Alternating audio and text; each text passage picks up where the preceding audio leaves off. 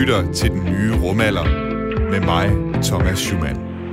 Liftoff of the Soyuz rocket, beginning the first expedition to the International Space Station and setting the stage for permanent human presence in space. And liftoff. Kate Rubin, Sergei Ryzhikov, and Sergei Kuzberchkov now on their way to the International Space Station, the latest in a chain that spans almost 20 years of continuous human presence in space. 10 seconds, the parameters of the rocket are nominal. Lige nu, hvor jeg sender det her, er klokken 5 minutter over 10 den 2. november år 2020. Om et kvarters tid, så vil det være præcis 20 år siden, at den amerikanske astronaut Bill Shepard og hans to russiske kolleger, kosmonauterne Sergej Krikalev og Yuri Gitschenko, den 2. november år 2000 kl. 10.21 ankom som den første besætning til den internationale rumstation. Den indladning, den dur selvfølgelig ikke rigtigt, hvis du lytter til podcast eller genudsendelse, men det jeg vil frem til, det er, at der siden år 2000 har været mennesker ombord på den internationale rumstation. Hvis du i dag fejrer din 20-års fødselsdag, eller endnu har til gode at fejre 20 år, så har du simpelthen ikke oplevet en verden, hvor der ikke bor mennesker i rummet. For mig at se, så er det en ret vild bedrift i sig selv. Men alligevel, så er det noget, vi sjældent tænker over i vores dagligdag. Hvornår var det sidste gang, at du kiggede op på himlen og tænkte, Nå ja, der er faktisk mennesker deroppe. Mit navn er Thomas Schumann, og du lytter til den nye rumalder, hvor vi i anledning af, at der fra i dag har boet mennesker i rummet 400 km over vores hoveder, uafbrudt i 20 år, spørger, om det overhovedet er noget at fejre. For selvom NASA og ESA og alle de andre rumfartagenturer bag den internationale rumstation allerede har fisket champagneflaskerne frem, så er der altså folk i det videnskabelige miljø, som altid har ment, at den internationale rumstation er spild af penge. Det er i hvert fald sådan, den britiske hofastronom professor Martin Rees ser på rumstationen. If you look at the achievement versus the cost, it's very poor value. Der kommer simpelthen ikke nok videnskab ud af de 25 milliarder kroner, der hvert år bruges på at holde rumstationen flyvende, at sende astronauter derop og den luft, mad og vand, som de har brug for at kunne leve i rummet. 25 milliarder kroner om året. For de penge, der kunne vi hvert halvandet år bygge en ny storbæltsbro. Men det beløb, det blegner i forhold til de 633 milliarder kroner, det kostede at bygge den internationale rumstation. Det er næsten dobbelt så meget som Danmarks årlige bruttonationalprodukt. Og når så folk hernede på jorden slet ikke tænker over, at rumstationen faktisk findes derop, så synes pengene endnu mere spildte. Vi skal senere i udsendelsen høre mere til Martin Rees og den kritik af den internationale rumstation, som han er kommet med igennem mange år. Men før vi gør det, hvad så med, at vi hører fra en af dem, som faktisk har været derop, om hvad det er for et sted, og hvordan det er at være der. Det, som gør laboratorierne på rumstationen til noget helt unikt, det er, at de er vægtløse. Man kan simpelthen lave eksperimenter, som er umulige at lave hernede på jorden. Og selvom astronauterne træner og forbereder sig igennem lang tid på livet i vægtløshed, så er det alligevel noget, der kan spille dem et pus, når de ankommer op på rumstationen. Det skete i hvert fald for Danmarks første og indtil videre eneste astronaut, Andreas Mogensen. Jamen, jeg blev, blev meget, meget overrasket, øh, lige da jeg kom ombord. Um, fordi helt tilfældigt, øh, uden at jeg var klar over det, så kom jeg flyvende øh, langs loftet. Um, altså den måde, vi havde åbnet lugen på, og den måde, øh, jeg havde orienteret mig selv. Helt tilfældigvis, så kom jeg flyvende langs, øh, langs loftet, og det gjorde, at, at jeg pludselig ikke kunne genkende, hvor jeg var. Altså det var virkelig en underlig fornemmelse at komme ombord på rumstationen, og så tænke, jeg kan ikke genkende noget. Øh, er jeg blevet væk af det her modul, jeg aldrig har set før? Hvor, hvor er jeg egentlig henne? Øh, men det var som sagt, fordi jeg, jeg, jeg stod på loftet, og så snart jeg fik vendt mig om, og fik fødderne ned på det, vi kalder gulvet igen, øh, så var det som om alting faldt på, faldt på plads, og så kunne jeg pludselig øh, genkende, hvor jeg var. Og det var sådan en rigtig underlig fornemmelse at, at opleve, hvordan ting ser fuldstændig anderledes ud, bare fordi man ser det øh, på hovedet. Um, det var, det var meget overraskende og en, en, en, en sjov oplevelse også. Bliver det, bliver det ved, eller, eller lærer man ligesom at, at leve, altså finde ud af sådan en naturlig måde, hvad det er, der er op og ned? Man kan sige, at man lærer, hvordan rumstationen ser ud. Uh, så på den måde vender man sig til det, men alligevel, uh, jeg talte med Scott Kelly, uh, der på det tidspunkt havde været oppe i seks måneder, og han sagde, den her desorientering er noget, som han også stadigvæk uh, oplever. For eksempel, uh, noget af det sjoveste, det var, uh, hvis man, står, hvis man er i en af de her øh, sidemoduler, og man så skal tilbage i, i den her øh, midtermodul, øh, hvis man så i stedet for i stedet for at komme flyvende langs gulvet, og så for eksempel at flyve til højre, hvis man så kommer flyvende langs højre væg, så lugen ligesom udgør et hul ved ens fødder, og man står der på kanten af lugen. Så når man kigger ned øh, i det næste modul, så får ens hjerne det til at se ud som om, det er sådan et, øh, et dybt mørkt hul, som man kan falde ned i. Og man har virkelig en fornemmelse af, at hvis man træder ud, så falder man ned i det her hul. Og det er jo fordi hjernen er vant til, når, når du kigger ned i, i, i sådan noget, så, så, så opfatter din hjerne det som, som et hul. Øhm, og det er noget, som ja, man, man ikke rigtig kan, kan vende sig til. Altså, at man, man oplever sådan nogle optiske illusioner, selvom man har været deroppe i, i et halvt år. Så, så livet deroppe, det bliver aldrig sådan helt normalt på den måde, fordi man hele tiden, kroppen og, og hjernen skal hele tiden konfronteres med de der mærkelige ting, der opstår, når man er vægtløs. Ja, altså man, det man lærer at gøre, det er, at man ligesom lige lukker øjnene i et, i et split sekund, ikke? og så åbner man dem igen, og så, så har man ligesom øh, vendet sig til, at, at man nu øh, for eksempel står på, på, på loftet i stedet for på gulvet. And Soyuz docking confirmed that coming at 2:42 p.m. Central Time, 3:42 p.m. Eastern Time, while the station and Soyuz were flying 264 statute miles over the southern Pacific Ocean off the west coast of Chile. Vi vender tilbage til Andreas Bogensen og hans oplevelser ombord på rumstationen lidt senere. Men først så skal vi høre fra en af de mennesker, som har arbejdet med rumstationen i alle de 20 år, den er kredset om jorden, og hvorfor det i hans øjne er noget, vi bør fejre. I started out 21 years ago by now um, as one of the initial instructors for the European component. Rüdiger Seine, han er direktøren for det europæiske rumfartagenturs astronauttræningscenter i Køln, og han er altså uddannet astronauter i 21 år til at tage op til den internationale rumstation. The achievement in itself isn't really the goal from my perspective. Not only have we kept the station alive and, and, and populated, the astronauts have done a tremendous amount of scientific work on the International Space Station that they are doing for researchers across the planet. So we have served a, a global science community uh, with the ISS, which is which is really the purpose of the International Space Station to be a, a laboratory to be used by scientists. Ikke alene er det en stor bedrift at vedligeholde en rumstation i 20 år, den har også tjent sit formål som laboratorium for videnskabsmænd og kvinder over hele verden, er altså det, som Rüdiger Seine han siger her. Og der er mange ting, man kan nævne i flæng. Et eksempel, det er LASIK øjenoperationer. Da man byggede rumstationen, der skulle man bruge præcise lasere til at kunne måle afstanden mellem modulerne, og det accelererede laserteknologien til et punkt, hvor det også kunne bruges til at operere øjne med. Jeg spurgte Rüdiger, hvad han vil fremhæve blandt de videnskabelige fremskridt på rumstationen. We're doing research on um, on mixtures of several metals, so-called alloys, um, where we build certain alloys in space, see how the mixing of various elements works, and uh, can then transfer those processes into new industrial processes on the ground. So research on the ISS has, for instance, led to better alloys for the turbines that are used in aircraft engines. And that has a direct impact on the amount of fuel that is used and also the amount of noise that is produced. So uh, that is that is one application uh, where we where we have an immediate more or less use. Der er altså blevet forsket i blandingen af forskellige metaller i vægtløshed, og det har ført til udviklingen af flymotorer, der både larmer mindre og bruger mindre brændstof. Derudover så lærer vi en masse nyt om kroppen ved at studere effekten af vægtløshed, og det har gjort os klogere på alt fra kraft til knogleskørhed.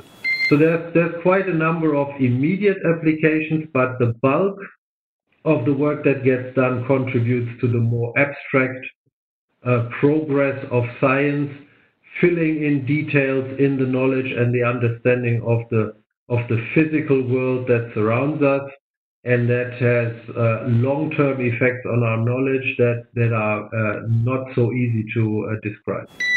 Den største mængde videnskab, der kommer fra rumstationen, er grundforskning om det fysiske univers, vi lever i, og som kan være svært med det samme at oversætte til praktisk anvendelse.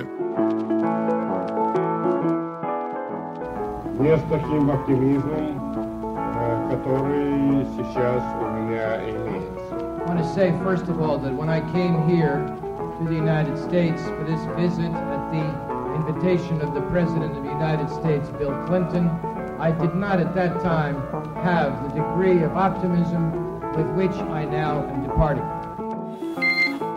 The international collaboration uh, essentially came about uh, by the fact that both the Russians and the Americans had been planning to build space stations and uh, then decided that it would be smarter and more cost efficient uh, to have a joint space station.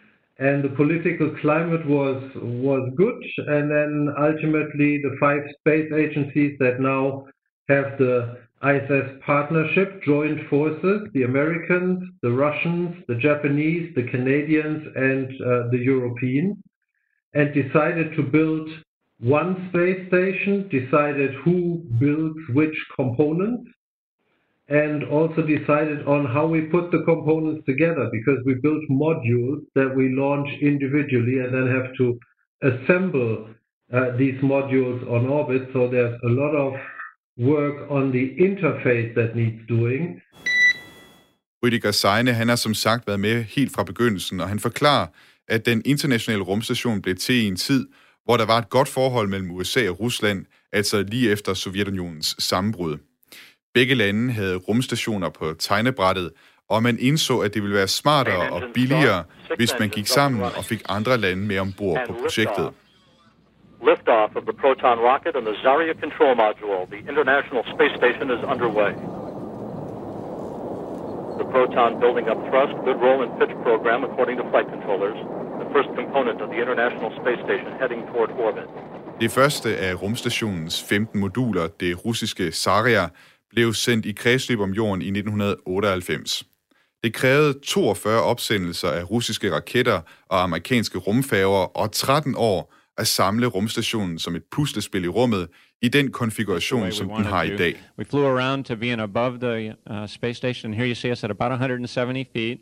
We held there until we were in the right place uh, over the ground, at which it was time for us to start in. And then we closed in to 30 feet. So one of the big complications, of course, uh, is you had to make sure that the two modules that you want to combine actually fit together. And that requires very strict planning because ultimately you have to form a airtight, vacuum-tight connection between two modules to make sure your space station doesn't leak. So that in itself was uh, quite a, a, brilliant engineering work to make sure that everything matches because you have to imagine we have uh, built in two unit systems. The ISS is partially built in imperial units, so inches uh, and feet as used in America, while uh, the Europeans and the Russians uh, built everything in the metric system, so with meters, centimeters, millimeters, and ultimately the whole thing had to fit together, and it worked. Wow, I, ne I never realized that it uh, actually was constructed using different units. has that ever been a problem during the construction of the ISS? It, has not been a problem. Uh, the unit system has not been a problem in putting the ISS together, apart from uh, potentially the headaches that it has given the engineers. Uh, we sometimes have uh, slight problems because we are having also two sets of tools on board the ISS to match uh, the the screws and and everything that we need to repair or touch. And there sometimes, of course, uh, occasionally the wrong tool gets used, and that is usually not very healthy for the head of the screw. Uh, but we have means of, of resolving those problems if they happen. It doesn't happen very frequently, but that sometimes does happen. Det var altså lidt af en udfordring at samle rumstationen, for i USA der brugte ingeniørerne tommer, mens de europæiske og russiske ingeniører brugte metersystemet, og de skulle altså få det hele til at passe sammen op i rummet. Jeg har nærmest svært ved at tro mine egne ører, når jeg hører Rydiger Seine sige, at det eneste problem, som det har forvoldt, det er, at nogle af astronauternes svensknøgler ikke altid passer med de skruer og bolde, der er oppe på rumstationen. I'm looking at 3061 as a handrail. Okay, Chris, that's where you'll drop your anchor hook. My anchor hook is closed. Slider in the lock position, double checking. And uh, just beside that, you'll see handrail 3060. You'll attach Bob's anchor hook there. Det er ikke uden grund, at rumstationen omtales som et af menneskehedens måske største bygningsværker på linje med pyramiderne. Samlet set så fylder den næsten det samme som en fodboldbane, og indenfor har den et rumfang, der er lige så stort som en Boeing 747. Det er den største rumstation, vi mennesker nogensinde har bygget, med masser af plads til de seks astronauter, der normalt er deroppe. Men hvis man spørger Andreas Mogensen, så er der altså også plads til forbedring. Hvis vi skulle bygge en ny rumstation, så ville vi forhåbentlig gøre det på en lidt smartere måde, hvor du netop siger, at der er ligesom et, et, et, øh, et modul eller et rum, hvor man kan bo i, og så er der et laboratoriemodul, hvor man kan arbejde i. Øh, fordi det er sådan lidt spredt øh, rundt omkring i de forskellige moduler, moduler i øjeblikket. Um, der er for eksempel fire sovekabiner i øh, det andet knudepunkt, No 2, det der hedder Harmony, der ligger allerforrest. Øh, så der er plads til, til fire astronauter, der kan sove i hver deres egen, ja, det, det minder om et lille skab, man ligesom kan, man kan træde ind i, og så lukke døren, og så sover man der, og man kan have sådan nogle personlige ting der. Øhm, toilettet, det er så øhm, over i Node 3, øhm, hvor der så også er øh, vores øh, løbebånd og vores styrketræningsmaskine. Man kunne jo godt få sådan lidt øh, tanken om sådan en øh, campingferie, når man hører det her om, at, at øh, træningscenteret og toilettet det er ligesom øh, stuet sammen i samme modul. Ja, ja, altså hvis du går på toilettet, så, så sidder du på toilettet lige ved siden af, af, af dem, der løber på løbebånd. Um, Hvordan er det? Ej, det, ja, altså der er så meget larm øh, og bor på rumstationen alligevel, at, øh, at ja, det, ja det, det gør ikke noget. Altså, vi er deroppe for, øh, for at arbejde, så det, det, jeg tror ikke, det er noget, man, man tænker så meget over. Og så har vi desværre ikke rigtig noget sted til at, at, at, at, ligesom at, at skifte tøj eller lave personlig hygiejne. Um, så der, har, der bruger vi i øjeblikket øh, det her opbevaringsmodul PMM, øh, øh, som er forbundet til Node 3, der har vi så sat sådan nogle, nogle, nogle plastik, nogle plastikforhæng op, øh, så vi kan gå ind og, og ligesom øh, ikke tage bad. Vi har jo ikke noget bad desværre, men hvor vi kan, kan ligesom gøre os rene ved hjælp af, af nogle øh, vådservietter eller, eller håndklæder. Um, og der er vi nødt til at, at hænge sådan nogle øh, plastikforhæng op for at sørge for, at, at hvis vi spilder vand, at det ikke ødelægger øh, andre dele af rumstationen. Uh, så det er ligesom noget, vi, lidt, vi, vi mangler lidt. Uh, og forhåbentlig i fremtiden, hvis, hvis vi bygger en, en ny rumstation, så, så vil der blive lidt mere fokus på sige, beboelsesaspektet af, af rumstationer også. Jeg har, jeg har også øh, læst i øh, Scott Kellys bog om hans øh, år i rummet, at at luften derop, altså man kan godt gå og få lidt hovedpine, eller blive sådan lidt, måske lidt utilpas, afhængig af, hvor mange mennesker, der bor på, på rumstationen. Ja, øh, det er jo så på grund af, af den øgede mængde CO2, som, som, som er i luften deroppe. Øhm, altså alle mennesker øh, udånder jo CO2. Vi, når vi trækker vejret, så, så tager vi ilt ind, og så udånder vi CO2. Øhm, og det er meget, meget svært at fjerne CO2 fra øh, fra, fra luften helt ned til et niveau, der, der svarer til det øh, niveau, vi har på, på jorden. Altså her på jorden, der bliver vores, den CO2, vi udånder, den bliver jo brugt af, af planter blandt andet. Øhm, øh, det er jo deres øh, man sige, råstof, som de bruger til at, at leve af. Øhm, ombord på rumstationen, der har vi så øh, kemiske filtre, øh, kemiske processer, som forsøger at fjerne den her CO2. Men det er meget svært at komme helt ned øh, på det niveau, som vi har på jorden. Så typisk så er øh, niveauet af CO2 i luften omkring øh, ombord på rumstationen langt, langt højere øh, inde, på, øh, inde på jorden. Øh, og det kan, det kan godt give hovedpine. Nu var jeg over øh, ved Danish Aerospace Company for noget tid siden og så, at de har sådan et, de følger også med op, øh, de har deres egen kontrolcenter, og kan se, hvordan livet fungerer op på rumstationen. Og det er jo sådan et meget øh, udførligt schema, der er for aktiviteterne. Kan du prøve at sådan give øh, et billede på en, en typisk dag på, øh, på rumstationen? Jamen altså, vores, øh, hvad man siger, vores arbejdstid er jo måske det mest kostbare ombord på rumstationen. Øhm, så det gælder om at, at bruge vores tid så effektivt som muligt. Øh, derfor er der et helt hold af, af folk i kontrolcentret på jorden, som man siger, står for at planlægge vores dag. Og det er, altså det er helt ned til, til 5-10 minutters bidder. Øhm, så vi får hver dag et øh, schema ombord på rumstationen, lidt ligesom et skoleskema. Ikke? Og så står der fra klokken, typisk er det fra klokken halv otte om morgenen til klokken øh, 7 om aftenen, øh, hvor hvert et minut er, er, er planlagt. Øhm, og så følger vi så den tidsplan, ikke? så står der fra, ja, det kan være fra 8 til 9 om morgenen, så skal du lave noget vedligeholdelse eller reparation på, det kan være toiletsystemet for eksempel, og så fra 10 til 11 eller 10 til 12, så øh, går du i gang med et videnskabeligt forsøg, øhm, og så, ja, sådan fungerer hele dagen, mere eller mindre. Hvad med sådan øh, fritid så, og, og I skal jo også have noget at spise en gang imellem. Hvordan, hvordan fungerer den del af, af livet, som ikke er, lad os sige, den, den professionelle del af, det, af livet op på rumstationen?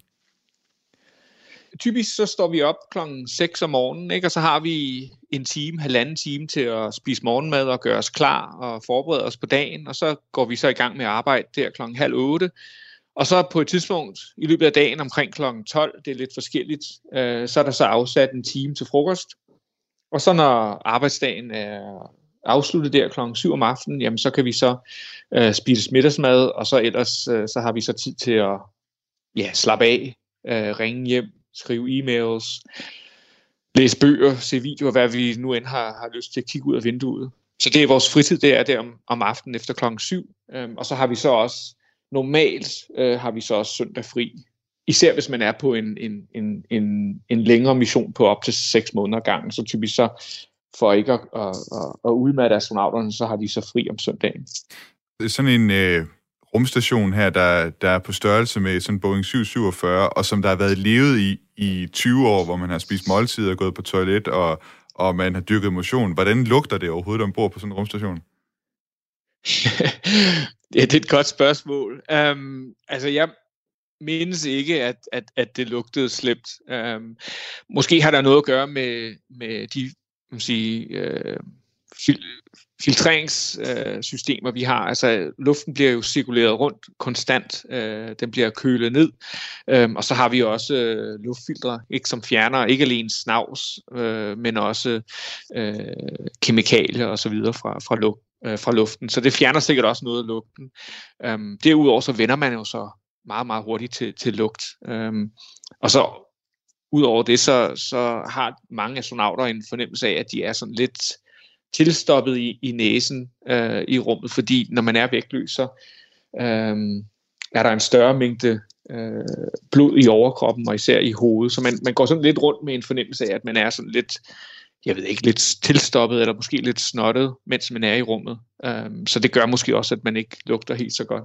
Den eneste lugt, jeg nogensinde lagde mærke til, det var netop, øh, da vi øh, åbnede øh, lurerne ud til, til, til rummet. Øhm, så, så kommer der sådan en, en, en lidt metallisk lugt, hvis, hvis, man, hvis man kan bruge det udtryk. Øhm, det er den bedste måde, jeg kan beskrive det på. Det er sådan en, en, en slags lugt af metal, måske sådan noget brændt metal. Og det kommer fra, øh, fra metal, som har været øh, udsat for vakuum. Okay. Øhm, og det er noget, som jeg oplevede ikke alene, da, da, da vi koblede os selv på, men også øh, senere, da vi skulle bruge den, øh, øh, den lille luftsluse i det japanske laboratorium, øh, hvor vi blandt andet kan sende CubeSats ud fra de her små øh, minisatellitter. Så øh, rummet, det lugter af metal, eller det er i hvert fald den, den lugt, man får med sig deroppe på rumstationen? Ja, altså det er jo ikke øh, rummet i sig selv, der ja. lugter, det er jo hvad man sige, øh, metallet, som, som har været udsat for, for vakuum. Personligt så synes jeg, at det er helt vanvittigt, at vi har været i stand til at holde en rumstation kørende i 20 år. Men nu kommer vi til de folk derude i rumforskningsmiljøet, som ikke ser rumstationen som en enorm videnskabelig bedrift, men som et hul, hvor milliarder af kroner er forsvundet ned i, som ellers kunne være brugt på missioner med et langt større udbytte end det, som de 241 astronauter, der har været ombord på rumstationen, har kunnet frembringe i de sidste 20 år. Soft capture confirmed. Stand by for retraction and docking. Du lytter til den nye rumalder med mig, Thomas Schumann. I, I don't think uh, the space station itself uh, had a clear-cut motive or aim, uh, and it hasn't really justified itself. Det var desværre en lidt dårlig forbindelse, jeg fangede den britiske hofastronom professor Martin Rees på, men måske kunne du høre, at han her sagde, at den internationale rumstation ikke har et klart mål og ikke har kunne retfærdiggøre sin eksistens. Martin Rees han er astrofysiker og er tidligere formand for det britiske Royal Society, og så har han kritiseret den internationale rumstation lige så længe, som den har fløjet rundt om jorden. So, so you're looking forward to the day that it is uh, decommissioned? Um, well, I, I think uh, uh, uh, I look forward to the day when it doesn't drain a huge amount of resources uh, at the rate of three or four billion dollars a year, which it now is. Martin Reesen siger, at han glæder sig til den dag, hvor rumstationen ikke længere sluger de enorme ressourcer, det kræver at holde den flyvende.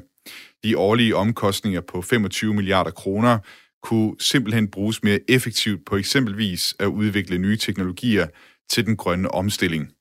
Og i forhold til at udforske rummet, så er det langt billigere at sende robotter derud, som de robotbiler NASA kører rundt med på Mars. Jo bedre teknologien bliver, desto mindre grund er der rent videnskabeligt til at sende mennesker i rummet. point is that uh, uh anything that involves sending people and bringing them down safely is inherently much more expensive. I personally do not think any taxpayer's money should be spent on manned space flights. If I was an American, I wouldn't support uh, that part of NASA's budget, and I don't think we in Europe, in ESA, should be doing manned space flights um, because uh, there's no practical need. It's very poor value. Martin Rees han mener slet og ret, at både NASA og det europæiske rumfartagentur ESA burde droppe og sende mennesker i rummet, og i stedet overlade det til private virksomheder som SpaceX, som kan tage en større risiko end de offentlige rumfartagenturer, og derfor også kan gøre det meget billigere og få mere ud af det. Og hvad værre er, rumstationen kan simpelthen ikke inspirere unge mennesker. only makes the news if the toilet doesn't work or if uh, um, Chris Hadfield, the Canadian astronaut, uh, plays his guitar and sings David Bowie songs and things like that. Uh, if we want to inspire uh, young people, uh, we would do better actually to show them lots of pictures from the Hubble telescope. Ground control to Major Tom.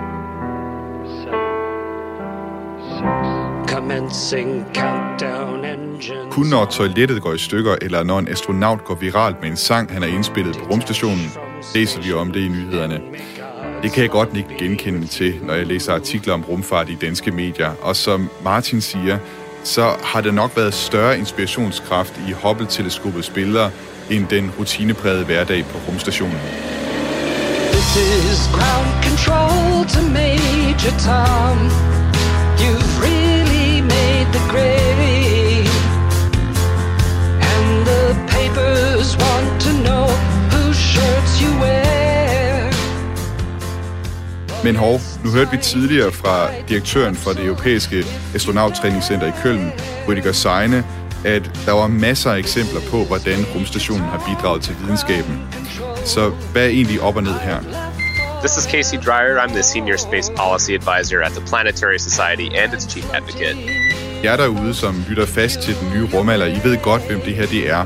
Men for alle jer, som ikke ved, hvem Casey Dreyer er, så er han altså den politiske rådgiver for den største rumfartforening i USA, Planetary Society, en forening, der arbejder for at få hævet NASA's budget, så de kan lave endnu mere videnskab i rummet. Og jeg spurgte Casey, om han kunne uddybe, hvad det er for en kritik, der igennem årene er blevet rettet mod rumstationen. The most, I think, common form of critique in over its uh, past has been just the overall cost of the International Space Station. It, it never really met its original cost goals. Uh, it always was more expensive, you know, during development than was projected. And there's an opportunity cost when when that happens. The money that you spend on the International Space Station can't then be spent on other projects at NASA or other projects in the space program. You had a vote uh, by the United States House of Representatives where they proposed to completely end that program in 1993, really before it really got started. Uh, and it survived by one single vote in the House of Representatives, and that was due to issues of cost. The other critique of the International Space Station is that even though it's it's considered a national laboratory of the United States, that the science productivity is not, in the sense, worth the investment that we put into it. It's underutilized as a scientific platform and really not functionally designed to produce the type of groundbreaking science people maybe initially expected it to. Could you could you try and elaborate on on how, how is it underutilized in terms of science? Well, there's an issue with the crew size. So since the end of the uh, space shuttle, uh, they have only been able to hold a crew of six people at a time on the space station. That's due to the size of the Russian Soyuz capsules. That the, each one only holds three astronauts or cosmonauts, and you can only have you know they have two at a time for a rotating crew. So that's in a sense actually one fewer astronaut than NASA had planned the amount of science you can do is a function of how much crew time there is to run experiments on the International Space Station. So by not having a you know, full complement of crew, you just can't use the capability that much. The priorities, right, for astronauts on the space station are maintaining the health of the space station itself, right? The engineering requirements are always going to supersede the scientific goals because you need to protect the life of the crew and you need to protect the uh, the hardware itself. And that's a you know a big job. A big portion of the time of each astronaut uh, or cosmonaut is spent cleaning the space station, repairing broken uh, materials, communicating with the ground. Right? They, they don't have that much time for science. Det er altså primært omkostningerne og pengene, der kunne være brugt på noget andet. Der var en dag en afstemning i 90'erne i repræsentanternes hus om at droppe rumstationen på grund af de høje omkostninger, og der var kun en enkelt stemme, som sørgede for, at rumstationen ikke blev skrottet dengang. Samtidig er rumstationen som laboratorium ikke blevet brugt effektivt nok. Fordi rumfærgen gik på pension i 2011, har der ikke været nok astronauter ombord til at bruge den nødvendige tid på eksperimenter, når rumstationen samtidig skulle holdes ved lige. Det er altså lidt af en tidsrøver for astronauterne at lave alt det andet, der kræves for at holde rumstationen flyvende. Now, two hours and 30 minutes into today's spacewalk, recapping the milestones so far, Chris Cassidy and Bob Bankin placed their suits on internal battery power, marking the official start of today's spacewalk. Men ifølge Casey Dreyer, så er det ikke videnskab, der primært retfærdiggør den internationale rumstation. The issue with science has always been, I think, more of a aspirational kind of disappointment more more than anything else. Human spaceflight at NASA has its own reasons for existing and they're they're primarily political and bureaucratic and there's also broad you know not, not just political domestically but international politics of bringing together a number of nations to work on these big expensive projects science itself has never truly been a priority of human spaceflight because the most important goal in any human spaceflight mission is to return astronauts safely. And every other goal, scientific or not, uh, is, is second, you know, or, or third to that overriding goal of bringing people back safely. So, so, when you're thinking of the International Space Station, you shouldn't think of it uh, primarily as a as a scientific project.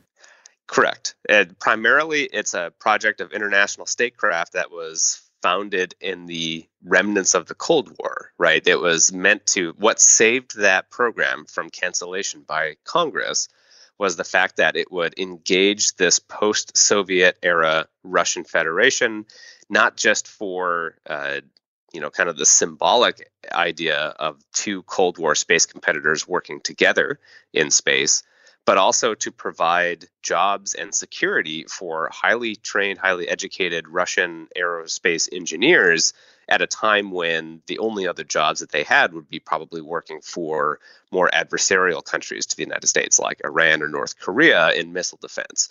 So there was very practical, strategic reasons that concept and effort of peaceful cooperative efforts in space is probably the most important uh, outcome of the space station itself. You know, countries like all the countries who participate in the European Space Agency. There's the you know J- Japanese, the Canadians, Australians. There's people from around the world and countries from around the world have high level diplomatic agreements about how the space station will be run and managed.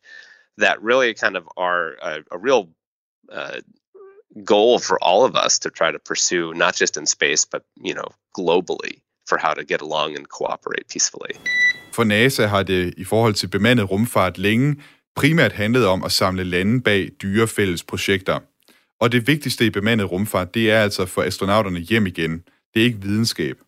Rumstationen blev til efter den kolde krig, og for den amerikanske kongres, der handlede det altså også om at holde de russiske ingeniører og videnskabsmænd beskæftigede, så de ikke smuttede til Iran eller Nordkorea og hjalp dem med at bygge missiler. Så det handler i virkeligheden meget mere om internationalt samarbejde end om videnskab. Men dermed skal man ikke tro, at det vil hjælpe den videnskabelige udforskning af rummet, hvis man afskaffede den internationale rumstation. I hvert fald ikke i en amerikansk kontekst. The fallacy is, is that if there was an international space station, NASA wouldn't just have that $4 billion willing to float around, right? There's not an overall limit um, to NASA. You know, NASA's not just given this big chunk of change and then gets to, to decide how to spend it. The International Space Station is what gets funded by Congress. And so it's not necessarily the situation where if it just disappeared tomorrow, that money would quote unquote be freed up to go somewhere else, that money would just likely disappear because the people who want to fund that and to get the contracts in various states that run the International Space Station are not the places that fund things like robotic spaceflight.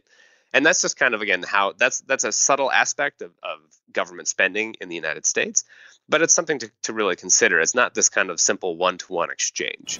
Kort fortalt, hvis rumstationen blev droppet, så er det slet ikke sikkert, at de amerikanske politikere vil bruge de penge, man havde sparet på at udforske verdensrummet med robotter. Men selvom Casey Dreyer er politisk rådgiver for en forening, hvis primære formål det er at støtte den videnskabelige udforskning af universet, så ser han faktisk på den internationale rumstation med mildere øjne end Martin Rees. It has demonstrated and, and been a long-term experiment of what it takes to be in space for a long time. And in some ways, even the lack of scientific return from that effort tells us something about what it's like when you're designing these incredibly complex systems that have to not just be these scientific uh, laboratories, but also fundamentally have to keep people alive and safe. That there are fundamental conflicts and difficulties in, in you know what do we design these for, and, and what are the best reasons to go and send people into space versus what are the most efficient ways to do science in space. And there's there's different answers to different types of scientific questions, but I think the space station has in a sense clarified that by saying it's very hard when you send humans into space you should think about that reason. And if you do science in space like going to other planets, there are there are reasons and, and kind of robotic ways you can do that very efficiently. There's science you can do and that is done in the space station. And particularly, I'd say maybe science in terms of human health in low Earth orbit, right? Studying what happens to the human body over time, you know, during extended stays in weightlessness. That's very important to understand if we're going to go beyond Earth for any kind of long term effort, right? Either to the moon or to Mars. And the space station is a real good platform for that. Beyond that, it's it's just, you know, it there's a fundamental aspect beyond science that the space station is really important to do, which has actually helped generate and support these new era of commercial space companies. So this is probably the second or, or, most important outcome of the space station itself is investing in companies like SpaceX to become the powerhouse aerospace companies that they are because they were able to leverage the needs of supplying cargo to the space station to try to take different approaches for NASA for how to build up new partners to launch things into space for them. So, because they needed this resupply of cargo to the space station, they were able to invest in US companies like SpaceX eh, in a different way than in classic aerospace contracting methods that incentivize them to lower costs, improve their reliability, and fundamentally, they allow them to own their own rockets, right? They allow them to own the intellectual property that they developed. NASA pays for a service delivery. NASA does not pay SpaceX to own their rocket. And what this has allowed the nation to do is develop this whole new era of commercial spaceflight that the space station basically NASA was able to use that budget because you had to continue supporting the space station they're able to direct some of that investment into U.S. companies Five, to become these four, independent three, new space two, uh, approaches one, to exploration zero. that we see today. Liftoff of the Falcon 9 and Crew Dragon. Go NASA, go SpaceX, Godspeed, Bob and Doug. America has launched. Casey Dreyer siger, at rumstationen har vist, hvor svært det er at være i rummet over lang tid, og at det altså også er en konflikt mellem forskning og at holde astronauter i live. Det gør os dermed skarpere på, hvad det er, der motiverer os til at sende mennesker i rummet. Samtidig så er der videnskaben omkring, hvad vægtløshed gør ved kroppen, som man ikke rigtig kan lave uden at sende mennesker op til rumstationen. Og det er altså den slags forskning, der skal bruges, når engang der skal sendes mennesker til månen eller Mars. T plus 30 seconds into this historic mission. Flying crew on board Dragon and Falcon 9, and look at them go! Falcon power comes phenomenal. Og så ser Casey Dreyer altså også positivt på, hvordan NASA stimulerer en voksende privat rumfartøkonomi ved at købe ydelser til rumstationen hos nye rumfartvirksomheder, som eksempelvis SpaceX. Netop det er faktisk vigtigt for alle os herhjemme, som gerne vil se Andreas Mogensen få en tur ud i rummet igen. Lige nu der er der snak om, at hans næste tur til rumstationen den kommer til at foregå i 2024. Men det afhænger altså i høj grad af den private rumfartindustri og hvordan den bliver brugt i forhold til rumstationen. M1D throttle down. We're throttling down to get ready for the period of maximum dynamic pressure. Der er jo stadigvæk mange år til 2024, så, så altså, der er meget, der kan ændre sig øh, inden da. Altså, det kræver jo, at vi... Øh, øh, at, at NASA ligesom starter en regelmæssig øh, opsendelse fra, fra Florida. Vi har haft øh, den første bemandede testflyvning af SpaceX Dragon her i sommeren 2020, øh, og så håber vi på, at den, den første operationelle mission øh, kommer afsted til her senere i, i, i november. Man sige, så håber vi så at komme ind i sådan en, en naturlig øh, rytme, hvor øh, NASA sender fartøjer, eller SpaceX eller Boeing øh, bemandede rumskib op fra Florida hver 6. måned. Øhm, og man sige, hvis vi kommer ind i sådan en naturlig rytme, og alt øh, fungerer, ja, så håber jeg på at kunne komme afsted i, i 2024, sådan noget lignende. Ja. Øh, men der er jo stadigvæk øh, lang tid til det endnu, og, og der er mange ting, der skal falde på plads, for at det, det skal kunne lykkes. Altså man kan vel egentlig sige nu, hvor det er, at øh, NASA igen har fået muligheden for selv at sende deres astronauter op, så går vi jo egentlig ind i en tid, hvor det er, at aktiviteterne omkring den øh, internationale rumstation, det, altså der bliver flere aktiviteter, der potentielt set, fordi vi jo i så mange år har haft øh, kun én vej op til rumstationen via den russiske Soyuz. Helt sikkert. Altså, vi går en, en, en, en meget spændende fremtid i møde. Altså, især hvis det lykkes at involvere private virksomheder mere. Altså, hvis vi får private øh, astronauter ombord, der laver øh, man sige, privat forskning, øh, hvis vi får nogle private moduler, øh, ja, så det bliver en meget spændende øh, fremtid og med, med mange flere muligheder, øh, end vi har haft øh, hidtil. Altså med, øh, med, med SpaceX Dragon og, og Boeing Starliner, øh, så vil vi jo også øge øh, antallet af besætningsmedlemmer fra 6 til 7. Og det lyder måske ikke som så meget, men øh, det er jo alligevel det er jo en helt ekstra person, øh, som kan udføre forskning øh, ombord på, på rumstationen øh, hver dag. Så det, det vil også øge den mængde af forskning, vi kan lave ombord på rumstationen. Hvad tænker du om, om fremtiden? Er vi tæt på øh, rumstationens udløbsdato? Nej, det tror jeg ikke. Øhm, altså rumstationen øh, repræsenterer jo en stor investering, så vi vil øh, fortsætte med at bruge den så meget, som vi nu kan. Øh, og jeg forestiller mig, at, at rumstationen i hvert fald vil fortsætte til, til 2030. Samtidig vil vi så forsøge at inddrage øh, private virksomheder mere og mere, så de kan overtage nogle af de her omkostninger, så vi, øh, altså både NASA og ESA, kan begynde at fokusere på for eksempel månen. Men jeg er sikker på, at, at, at rumstationen vil, vil fortsætte, hvis det kan lade sig gøre øh, til 2030. Om vi sige, man skal jo hele tiden vedligeholde og reparere øh, de ting ombord på rumstationen, der går i stykker. Og på et eller andet tidspunkt, så, så vil vi skulle bruge mere tid på det, end på at lave forskning. Hvornår det sker, det er meget, meget svært at sige. Men på et eller andet tidspunkt, om det er i 2025, 2030, 2035, så vil, så vil det være for besværligt at, at, at skulle vedligeholde den. Altså, så vil den være så nedslidt, at, at det ikke længere giver mening. Men selvom, øh, selvom den internationale rumstation øh, på et tidspunkt bliver pensioneret, så vil vi formentlig øh, altid have et, et, en, et laboratorie eller en, en mindre rumstation i, i kredsløb om, om jorden, hvor vi kan fortsætte med at lave den forskning, som, som vi laver i dag. Samtidig med, at vi også bevæger os videre til månen og, og forhåbentlig også videre til Mars. Jeg vil her til sidst gerne vende tilbage til det spørgsmål, som jeg indledte udsendelsen med. Er der en grund til at fejre en rumstation, som er så dyr, at den vil ruinere et land som Danmark og bygge, samtidig med, at den rent videnskabeligt ikke har givet det udbytte, som mange havde håbet på, og som mange måske tror, den giver. For mig at se, så er rumstationen et enestående bevis på, hvad vi mennesker er i stand til, når vi samarbejder og bruger vores talenter og hjerner bedst. Og selvom der så måske ikke kommer lige så meget forskning ud af den, som var planlagt, så synes jeg altså, at det er en bedrift i sig selv. Og husk så også på, at rumstationen gavner Danmark mere end blot at give Andreas Mogensen mulighed for at flyve derop en gang imellem. Du kan måske huske fra tidligere udsendelser af den nye rumalder, at det største danske rumeksperiment, ASIM, det lige nu sidder tilkoblet på ydersiden af rumstationen.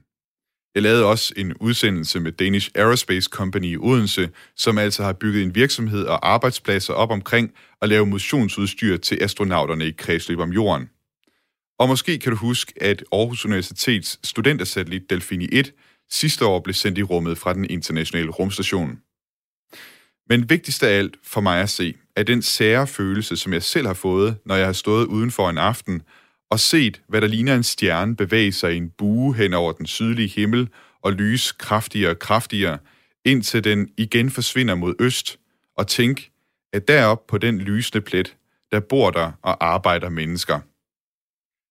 Det er sjældent, at vi i rumfarten kan få syn for sagen med vores egne øjne, og derfor vil jeg runde dagens udsendelse af den nye rumalder af med en guide til dig om, hvordan du kan komme til at se rumstationen flyve hen over jorden.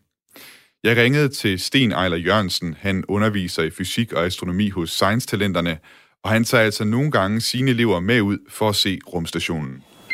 Altså i dag er den jo så stor, at det er jo en utrolig imponerende prik. Altså der, der er mange, når de ser den, så tror de, det, det er et fly, fordi den lyser så kraftigt. Øh, og, og det man selvfølgelig skal være opmærksom på, det er, at fly de blinker altid. Det gør rumstationen ikke. Den, det er bare en konstant lysende prik, der bevæger sig hen over himlen øh, fuldstændig lydløst. Og det er selvfølgelig fordi, den er 400 km ude i rummet. Det allerførste, du skal gøre, hvis du gerne vil se rumstationen, det er at finde ud af, hvornår den kommer forbi.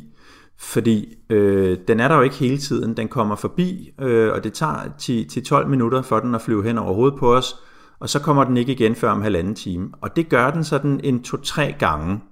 Og så ser vi den ikke igen før et, et døgns tid senere. Og grunden til det, det er jo, at rumstationen er i en cirkulær bane, rundt om jorden. Man skal ligesom forestille sig en hula hopring øh, over en globus. Og den her hula hopring, den er så drejet 51,6 grader i forhold til ekvator. Og det betyder, at rumstationen kommer, kommer op over den nordlige halvkugle, og så går den ned over den sydlige osv. Og imens, så står jorden og drejer rundt nedenunder. Så det vil sige, at først så kommer rumstationen op over Rusland, og så kommer den op over Østeuropa, og så kommer, hvis vi er heldige, kommer den op over ah, Midt-Tyskland, vil jeg sige og så kommer den op over Frankrig, og så kommer den op længere og længere vestpå. Og det vil sige, at der er to eller tre passager, hvor vi kan se den flyve, ikke lige hen over hovedet på os, men den kommer cirka 40-45 grader op på himlen, set her fra Danmark. Højere kommer den ikke, men det er også rigeligt højt til, at vi kan se den jo. Men, men, og det vil sige, at man skal vide, hvornår den kommer. Og det, det kan man gøre på mange forskellige måder. Man kan downloade en app til sin telefon. For eksempel er der en, er der en god en til Android, der hedder ISS Detector, den finder selv ud af, hvor du er henne, og fortæller dig så, hvornår rumstationen kommer henover. Den vil jeg varmt anbefale. Ellers så er der sådan nogle websites, som for eksempel Heavens Above, eller øh, NASA har et website, der hedder spotthestation.nasa.gov. Og der kan man simpelthen gå ind og klikke på for eksempel en by, der er, et, der er et kort, og så kan man vælge en by i Danmark, og så siger den, hvornår kommer rumstationen, og så får man simpelthen vist en tabel. For eksempel har jeg klikket på Roskilde nu, og her kan jeg se, at øh, hvad hedder det, i dag er det torsdag den 29. oktober, og øh, ja, og alle passagerne i dag, de har allerede været der, fordi lige for tiden, der står rumstationens bane sådan, at den kommer op over Europa øh, tidligt, tidligt om morgenen. Så alle tiderne i, i, i dag, de er røget. Men i morgen kl. 5.10 dansk tid, der kan man se den komme 34 grader op på himlen, hvis man står øh, i Roskilde. Og øh, igen lørdag kan man se den både klokken lidt i halv fem, og faktisk lidt i 6 om morgenen. Så hvis man er tidligere op lørdag morgen, så kan man se den. Og, den. og det er altid sådan, at den står op over i sydvestlig retning, så går den hen over sydhimlen, og så går den ned i sydøst. Og det gør den både, når den kommer forbi om morgenen, og når den kommer forbi om aftenen. Og det er klart, om et, om et halvt års tid, så vil vi kunne se den komme forbi om aftenen, og så er det jo så er det lidt sjovere, når det er tidligt om morgenen. Vi skal jo, der er jo en anden ting, der er vigtig her. Rumstationen kan også komme hen over Europa midt om dagen, men der kan vi ikke se den, for der er himlen for lys. Og, og om vinteren, når den kommer hen over Europa midt om natten, så kan vi heller ikke se den, fordi så skinner solen ikke på den. Så for at vi kan se rumstationen, så skal solen helst være gået ned over Danmark, fordi himlen skal være nogenlunde mørk, men samtidig skal solen skinne på rumstationen. Og det, øh, og, og det kan godt være lidt tricky at finde de helt rigtige tidspunkter der. Men altså, morgen og aften plejer at være gode, og øh, lige nu der er det altså om morgenen, at man kan være heldig at se rumstationen. Og med den guide, så håber jeg, at jeg har inspireret dig til at tage ud og se den internationale rumstation med dine egne øjne. Og så håber jeg, at du også med dine egne ører kunne tænke dig at lytte til den nye rumalder igen, når vi sender på mandag igen, eller inde på Radio 4's hjemmeside, hvor vores podcast ligger, eller på Spotify eller Apples podcast player. Hvis du har ris, ros, kommentar eller feedback eller forslag til, hvad vi skal sende på vores SD-kort op til månen, så skriv endelig ind til os på den nye rumalder radio4.dk. Indtil vi lyttes ved igen, så vil jeg bare ønske dig en god uge. Ad Astra. It's about believing in, in the future and, and, thinking that the future will be better than the past. Um, and I can't think of anything more exciting than going out there and being among the stars. That's why.